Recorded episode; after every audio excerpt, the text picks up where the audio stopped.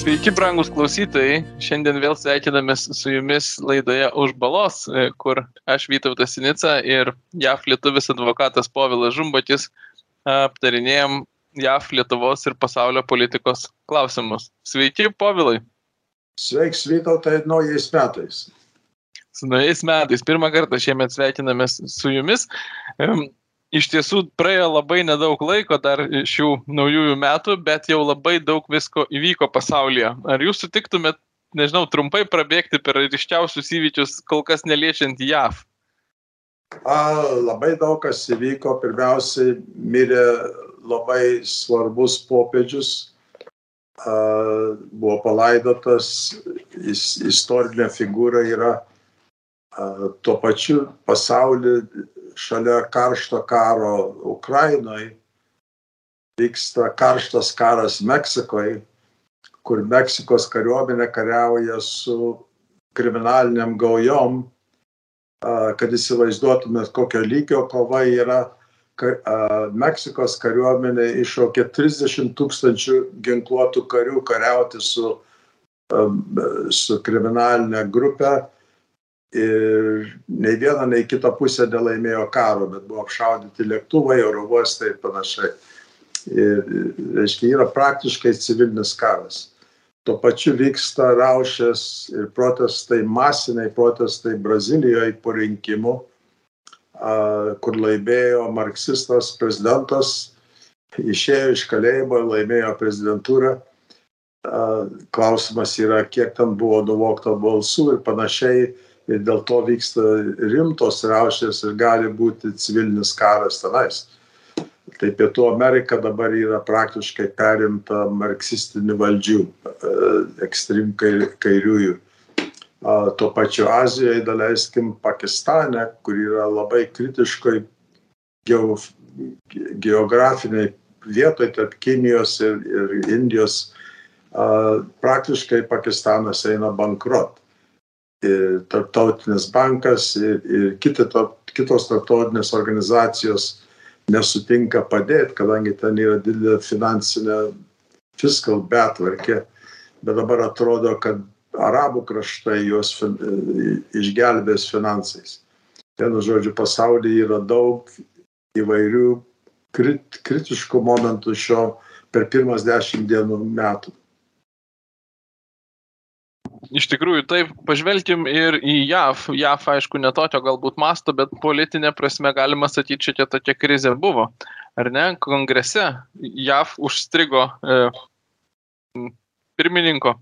Ar, ar kaip jį dėrėtų vadinti? Tvirtinimas respublikonų tarpe. E, kodėl taip vyko, ar tai taip grėsminga, kaip skambėjo Lietuvo žiniasklaidoje, nes čia skambėjo kaip kažkas labai baisaus, ir kokiom sąlygom visgi sutiko jį patvirtinti Respublikonų dauguma buvo labai įdomu, Vytautai. Pirmiausiai, kad būtų aiškiau mūsų klausytojams, Amerikos kongresas susideda iš dviejų dalių, ne kaip Lietuvos Seimas.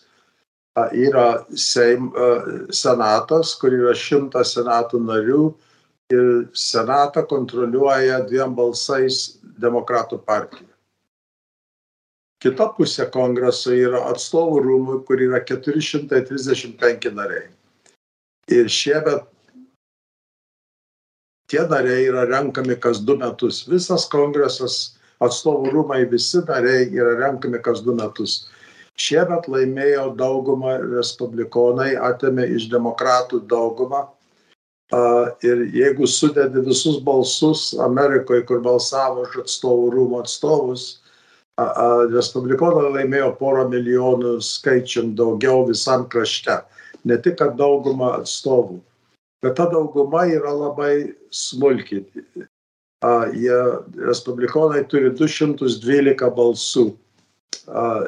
Jie praktiškai turi 5-6 balsų daugumą, jeigu nori ką nors pravesti savo partijos nariais. Dabar, kai, kai išrenka naują kongresą, kas, kas du metus, kas du metus renka kongreso vadovą. Ne Respublikonų ar Demokratų partijos frakcijos, bet viso kongreso, viso atstovų rūmų.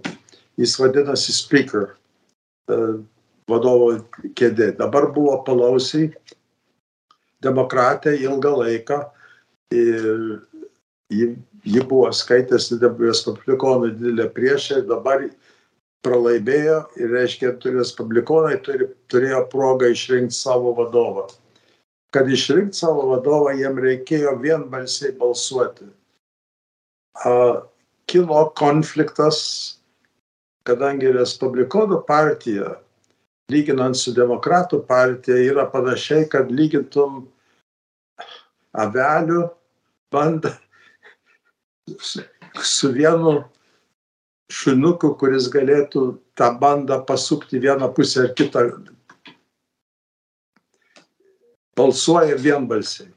Pas demokratus niekada nebūtų buvę, kas įvyko pas respublikonus. Respublikonų partija yra panašiai, kad bandytum gandyti, ba, a, a, tvarkyti 212, 212 kačių kadangi tie individai ne, laimi rinkimus, ne tai kaip Lietuvoje, kur būtų partijos sąraše, jie laimi kaip individai. Tai ateina į Amerikos atstovų rūmus kaip individai. Ir Respublikonų partijai tie individai daug daugiau reiškiasi negu pas demokratus, kur yra partijos disciplina. Tai kas gavosi, kai reikėjo rinkti, kad išrinkti Respublikono vadovo viso kongreso, viso atstovų rūmų, respublikonai turėjo balsuoti vienbalsiai. Atsisakė balsuoti 20 atstovų už kandidatą, kuris va, buvo renkamas didžiosios daugumos. McCormick. Ne McCormick. A, kas gavosi? Ta mažuma pradėjo reikalauti, konservatyvi mažuma reik, pradėjo reikalauti, kad renkamas vadovas jiems nusilenktų, gražintų taisyklės, kurių palausi nesilaikė du metus. Yra kongreso taisyklės, kaip, kaip kongresas veikia ir panašiai. Ir jie reikalavo, kad grįžtų prie klasinės kongreso procedūros, pro, procedūrų.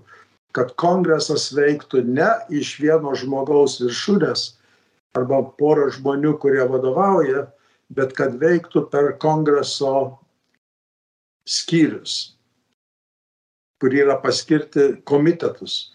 Tie komitetai turi, istoriniai turi labai svarbią rolę. Per palausi valdžią, per du metus dabar tie komitetai neturėjo jokios praktiškai rolės. Viskas ėjo tik tai iš viršūnės, iš vadovės. Tai tie 20 reikalavo, kad atstatyti kongre, atstovų rūmų istorinę padėtį ir ypatingai, kad kreiptų dėmesį į tai, kad federalinė valdžia yra tiek išaugusi, kad dominuoja, pradeda dominuoti visą kraštą, o pagal Amerikos konstitucijos dešimtą priedą Kongres, Amerikos federalinė valdžia tik tai gali veikti kai kuriuose srityse. O tose srityse, kur konstitucija nenumato, turi palikti valstijom arba amerikiečių piliečiams. Ir jie reikalavo, kad gražinti į tradicinę Amerikos tą sistemą. Ir buvo didelė kova, įtampa, reikėjo balsuoti 15 kartų, kol pagaliau susitarė ir išrinko savo vadovą. E, ar yra kažkas specifinio, ką tas vadovas turėjo? E, McCarthy, taip, ką jis turėjo pažadėti tiems iki tol jo nepalaikiusiems respublikonų atstovams atstovų rūmose, e, kad jie sutiktų už jį balsuoti?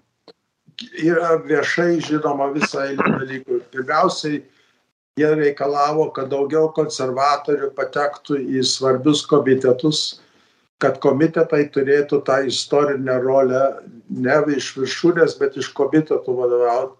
Kaip po pavyzdį, labai svarbu yra, kai Amerika dabar 20 su virš metų neturi biudžeto. Kas yra nesąmonė. Įsivaizduoju, kad šeima gyventų be biudžeto. Išleiskim, kiek tik tai reikia, kai reikės prispaudinsim pinigų.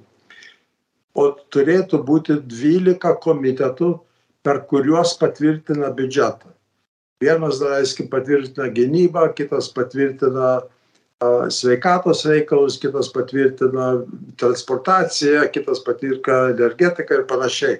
Ir iš tų 12 komitetų sudaro biudžetą. To dabar nėra buvę virš 20 metų. Jie reikalavo, kad vėl grįžtų į tą sistemą. Tada komitetai ir tie individai, kur patenka į tos komitetus, turi daugiau galios tuo pačiu jie reikalavo, kad daugiau iš konservatorių paskirtų į svarbės komitetų rolės. Vieną dalyką, kur nusileido, tai mano manimu yra didelė klaida. Būtent vienas kongreso atstovas gali pareikalauti praktiškai nepasitikėjimo vadovu ir tada turi būti balsuojama, ar pasitikim tuo vadovu ar nepasitikim tokiu būdu gali suparalyžiuoti atstovų rūmų veiklą. Tai tas buvo didžia, gal didžiausias klaidingas nusileidimas. Visi kiti buvo nusileidimai, kad leisti mažumai įeiti daugiau į valdžią. Iš tikrųjų, aš to klausiu todėl, kad Lietuvoje žiniasklaidoje tiek iš vis buvo kalbama šitą temą, tai buvo kalbama, na visai kitaip negu jūs pasakojat. Buvo pateikiama taip gana pašaipiai, kad štai pirmas darbas, respublikonai pagaliau gavo nors kažkokią valdžią, atstovų rūmų daugumą ir pirmas darbas išsirinkti vadą ir to nesugeba padaryti ir nesusitvarko, kokie jie yra, na, chaotiški ir ne, ne, nevaldomi. E, tikrai toks, toks leitmotyvas ėjo, kalbant apie tai ir nieko negirdėjau apie tai, ką jūs dabar kalbat. E, Lietuvos e, visuomeniai svarbiausias momentas, kai kalba apie atstovų rūmus, yra jų galios e, biudžeto formavimui ir apskritai finansiniams klausimams ir konkrečiai dėl galimos paramos įvairiamis formomis Ukrainai. Ir dar vienas gazdinimas yra, kad vat, tie patys, kurie netvirtino atstovų rūmų spikerio, tie patys respublikonai sugebės užblokuoti ir bet kokią paramą Ukrainai. Kiek yra pagrindo tokiai baimiai? Yra tam tikro pagrindo, kadangi jie ne tik tai dėl uh, Ukrainos, bet bendrai reikalauja, kad visus pinigus, kur Amerikos valdžia leidžia, masiniai pinigai, trilijonais dolerių, yra praktiškai nepatikrinami. Kongreso pareiga ne, ne stilius, ne mada, bet pareiga yra prižiūrėti, kad Amerikos biudžetas ir Amerikos pinigai nebūtų mėtomi. Dabar įsivaizduokite, reiškia, dėl Ukrainos, kaip po mažą pavyzdį, kadangi Ukrainos biudžetas yra antiek mažas, palyginus su, su kitom Amerikos išlaidom, kad kai sudaro bendrą planą, jo net ne, nematysi tam puslapį jis netilptų, kadangi yra tokia smulkmena palyginus. Bet smulkmena, kur yra svarbi kaip po pavyzdys. Leiskim 40 milijardų dolerių Biden administracija nubalsavo prieš, kol turėjo kontrolę, duoti Ukrainai. Ką tas reiškia? Kokia yra atsakomybė? Ar jie tuos pinigus sus Zalinskiui, ar jo žmonai, ar kokiam nors biuro? Nėra jokio patikrinimo tai vienas dalykas. Kitas dalykas kurie jaučia ir yra faktas. Kai sako kad davė tiek ir tiek milijardų dolerių paramos ukrainai tai yra fikcija. Tiek pinigų buvo išleista bet daug daug arba dauguma tų pinigų nubyrėjo vašingtone. Įvairiem komitetam įvairiom firmom įvairiom studijom patvirtina kokius nors ginklus, kai dabar patvirtino Patriot ginklus gintis uh, nuo lėktuvų ir, ir raketų ir panašiai, ne? Paskelbė prieš tris mėnesius, kad duos Patriot. Po dviejų mėnesių tik užsakė tuos, kad pagamintų juos. Fabrikas, kur gamint, sako, mums truks šeši mėnesiai išmokint ukrainiečius naudotis tą truks šeši mėnesiai. Tai patvirtino ginklą, paskelbė, kad va, mes remiam su tuo ginklu, bet tas ginklas tik tai pasirodys Ukrainai vidury vasaros. Tai komitetas, reiškia respublikonai, kurie kritikuoja tą biudžetą, ne tik tai Ukrainos, bet visą biudžetą, sako, mes turim patikrinti, kur tie pinigai nubyra ir kur yra atsakomybė. Daleiskim, jie mato ir žino, kad kai kuri pagalba, kur buvo siūsta į Ukrainą kariuomeniai, pardavinėja krautuvės Kievę. Kaip tos prekes atsiduria krautuvėse, juodojo rinkoje? Jokio, jokios priežiūros nėra. Jie sako, mums reikia priežiūrą, prieš duodant daugiau pagalbos Ukrainai mes turim žinot, kaip tie pinigai išleisti. Ir tą patį sako apie kitas agentūras, ne tik tai Ukraina. Jie neįsivaizduoja uždavinio masto suvaldyti korupciją Ukrainoje.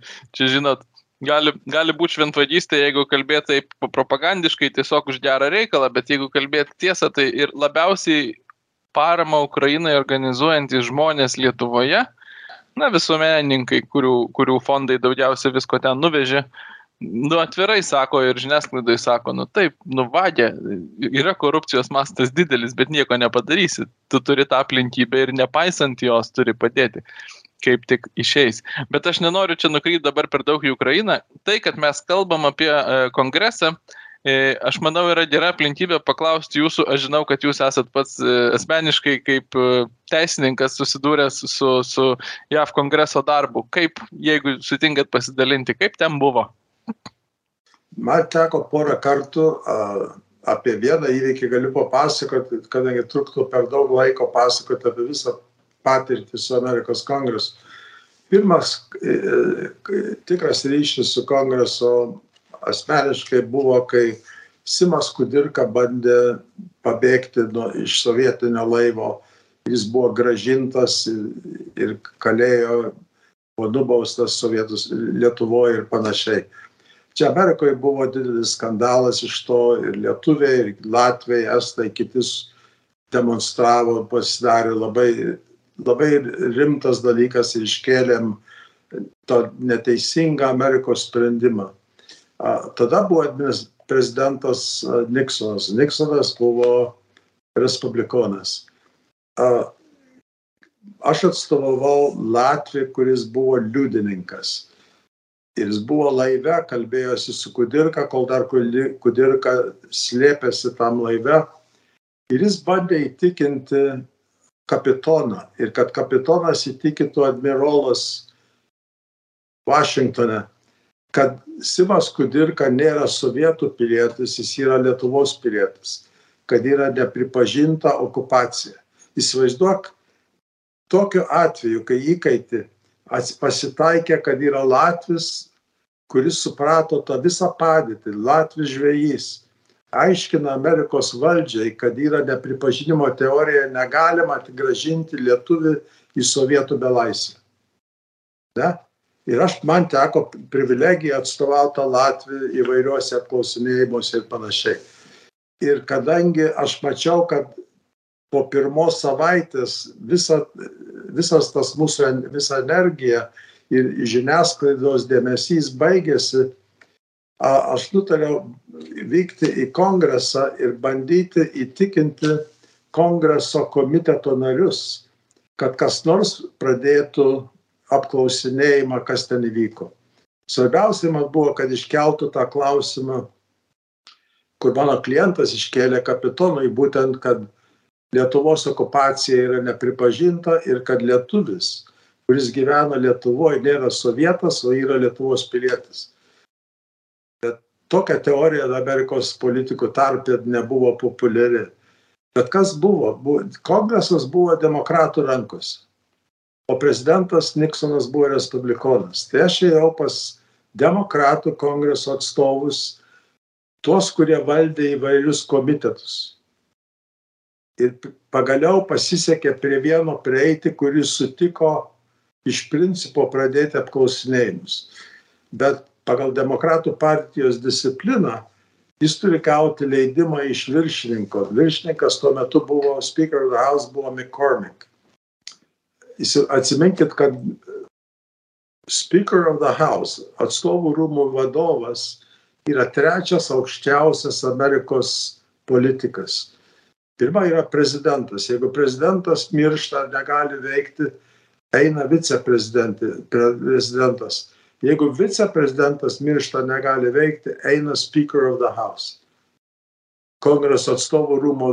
Tai reiškia, tokia yra didelė gali. Ir man pasisekė prieiti prie to Speaker of the House per kitą demokratų atstovą iš Čikagos. Uh, McCormick buvo tada tas Speaker of the House jis pakvietė mane pusryčiam ir klausė, sako, ką tu nori, ką tu nori įrodyti, kad mes turėtumėm per tą. Aišku, kad buvo neteisėtai pasielgta, kad žmogų neturėjo gražinti. Bet sako, kokia tavo yra motivacija, ko tu nori. Ir aš jam paaiškinau, kad mano kliento ir mano asmeniška pozicija yra, kad yra nepripažinta okupacija, kad čia buvo lietuvis pilietis, jis buvo gražintas ir kad vietoj, kad kreiptis į Lietuvos konsul, atstovybę Vašingtone, kreipėsi tik Amerikos State Department, Amerikos State Department pasakė, meskit jį atgal į jūrą. Ir jį atidavė sovietam. Ir sakau, čia yra skandalas. Ir jie įsitikino per tos pusryčius, ir jie įsitikino turėti tos apklausinėjimus, kurie tęsiasi kelias savaitės iškėlė tą klausimą į tarptautinius vandenis ir panašiai, nukentėjo tie kai kurie karininkai, kur darė tas, tos sprendimus, bet svarbiausia iškėlė tą klausimą, kad yra Lietuvos nepripažinimas ir kad Simas Kudirka buvo Lietuvos pilietis. Čia buvo 70-ieji metai, ar ne? Taip. Aš gerai suprantu, po to galiausiai, na, ta kova jinai baigėsi kažkuria prasme pergalingai, Simas Kudirka buvo išlaisvintas ir, ir išvyko į JAV. Jo vėliau prisidėjo, buvo viena Latvija, Paglė ir viena Lietuvė, Kezienė, kurios labai daug tyrė ir ištyrė, kad Kudirkos mama buvo praktiškai Amerikos pilietė, taip kad teoretiškai Simas Kudirka buvo Amerikos pilietis ir štai jis buvo atiduotas. Per tą laiką pasikeitė valdžios. Ir Amerikos kongresą valdymą perėmė respublikonai. Man ten teko pažinti vieną gerą kongreso atstovą. Tada kreipiausi pas respublikoną, kad kreipstus pas prezidentą Ford, prašyti, kad kaip nors atgauti Simą Kudirką. Prezidentas Ford pagaliau sutiko ir per savo ryšį su Brežnevu. Brežnevas sutiko gražinti Kudirką su viena sąlyga, kad Simas Kudirka būtų gražintas dieną po Amerikos prezidentų rinkimų, kurios Fordas pralaimėjo. Kažkaip pakrypo, pakrypo mūsų pirmas šių metų epizodas į istoriją, bet man tai patinka, Ir mes turim dar vieną istorinį puslapį vertą aptarti šiomis dienomis. Netrukus sausio 13, Laisvės gynėjų diena Lietuvoje.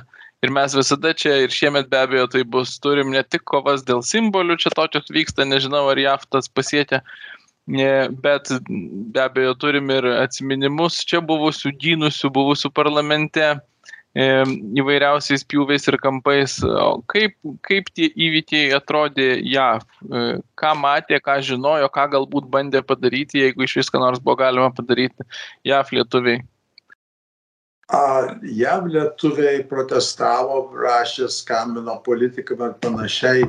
Aišku, žiniuose buvo porą dienų a, arba viena, tokia žinia ilgai nebūna žiniasklaidoje pasirodė tankai, pasirodė, kad buvo kažkokios žudynės ir dingo iš Amerikos žiniasklaidos. Kas buvo užmaskuota, tai kad atrodė, ir tarp kitko ir mūsų tarpe buvo susimaišymas, atrodė, kad čia buvo vietinių sovietų kariuomenės dalinių e, elgesys. O čia mes bandėm iškelti, kad čia yra Gorbačiovas, kuris tuo metu buvo labai populiarus Amerikoje. Tai Nobelio Amerikos, premija už taiką, ne? Už taiką, jo. Ir a, tą progą aš buvau, pasiūliau vienam senatoriui ir jis surinko 15 ar 18 savo kolegų ir a, nominavo Vytautą Landsbergį į Nobelio premiją. Jis oficialiai buvo nominuotas, bet laimėjo Gorbačiavas Tai yra kita istorija, kur vertėtų kada nors pakalbėti, reiškia, net norvegų žmonės buvo taip supykę, kad Gorbačiavas gavo, kad sudarė specialų fondą, kur dovanojo uh, ponai Landsbergiui. Bet mes kovojom, buvo kaip spjaudimas į vėją, kadangi Amerikos žiniasklaida 99 procentai buvo už Gorbačiavą. Tai negalėjom davesti, kad čia buvo įsakymas iš Maskvos. Net Amerikos žiniasklaida nenorėjo girdėti, kad ką lietuviai darė, ką tie žmonės pasiaukojo, kur buvo deginkluoti, stovėjo prieš tankus. Čia buvo didžiulė milžiniška drąsa. Kodėl jie tą darė, ką jie saugojo? jie saugojo laisvą žodį. Jiem tada televizijos bokštas buvo ne, kad jie saugojo bokštą, jie nes, nesaugojo net valdžią, jie saugojo laisvą žodį. Mes bandėm tą pravesti, bet Amerikos žiniasklaida nenorėjo suvesti tašką su taškutė, kadangi būtų turėję kritikuoti Gorbačiavą. man prašosi vėl paralelės su tuo, kaip vakarai žvelgia į Rusiją ir, ir kas vyksta dabar. Dabar mes pagaliau, nu, praėjusiais metais turėjom galbūt lūžio tašką bent šioti tokį, kai pradėjo pripažinti e, Rusijos kaip agresorės ir kaip pavojaus, kaip kažko su kuo negalima bandyti susitarti e, vaidmenį ir statusą, bet tas buvo dešimtmečiais, ar ne, tas buvo ir tada norėta, norėta tartis ir matyti draugą ten, kur to draugo nėra. Jo, atsimink, kad ilgą laiką ir ne tik tai karo metu ir po karo, ilgą laiką Amerikos ypatingai kairioji spauda, kaip New York Times, Washington Post ir televizija skaitė Staliną Uncle Joe. Dėdė Juozas. Buvo tokia propaganda iš kairėsis pusės, kad Amerika nesusigaudo dažnai taip kaip dabar galvoja, kad va, gal, reikėtų tarti su Putinu. Jeigu Putinas pažadėtų daugiau nepulti, tai gal reikėtų nutraukti. Tai kas, kad jis užbušė šimtus tūkstančių žmonių ir žuvo dėl to karo, nesvarbu, kad miestai sunaikinti, nesvarbu, kad kūdikius ir mokyklas ir ligoninės bombarduoja. Ne, jeigu susitarsim, galėsim vėl grįžti prie normalaus gyvenimo, prie biznio dabar jau prasideda jaustis tas spaudimas. Galvoju, pavilai, palinkėkim ateinančiais, be prasidedančiais metais išminties mūsų politikams šiapus ir anapus balos. E, jeigu šitas pasakojimas ir įspūdžiai šitoje vietoje gali būti baigti, tai aš dėkoju Jums, Povilai, ir, ir dėkoju visiems mūsų klausytojams už tai, kad yra vėl su mumis šiais 23 metais. Laimingai ir ačiū. Sudėjau. Iki.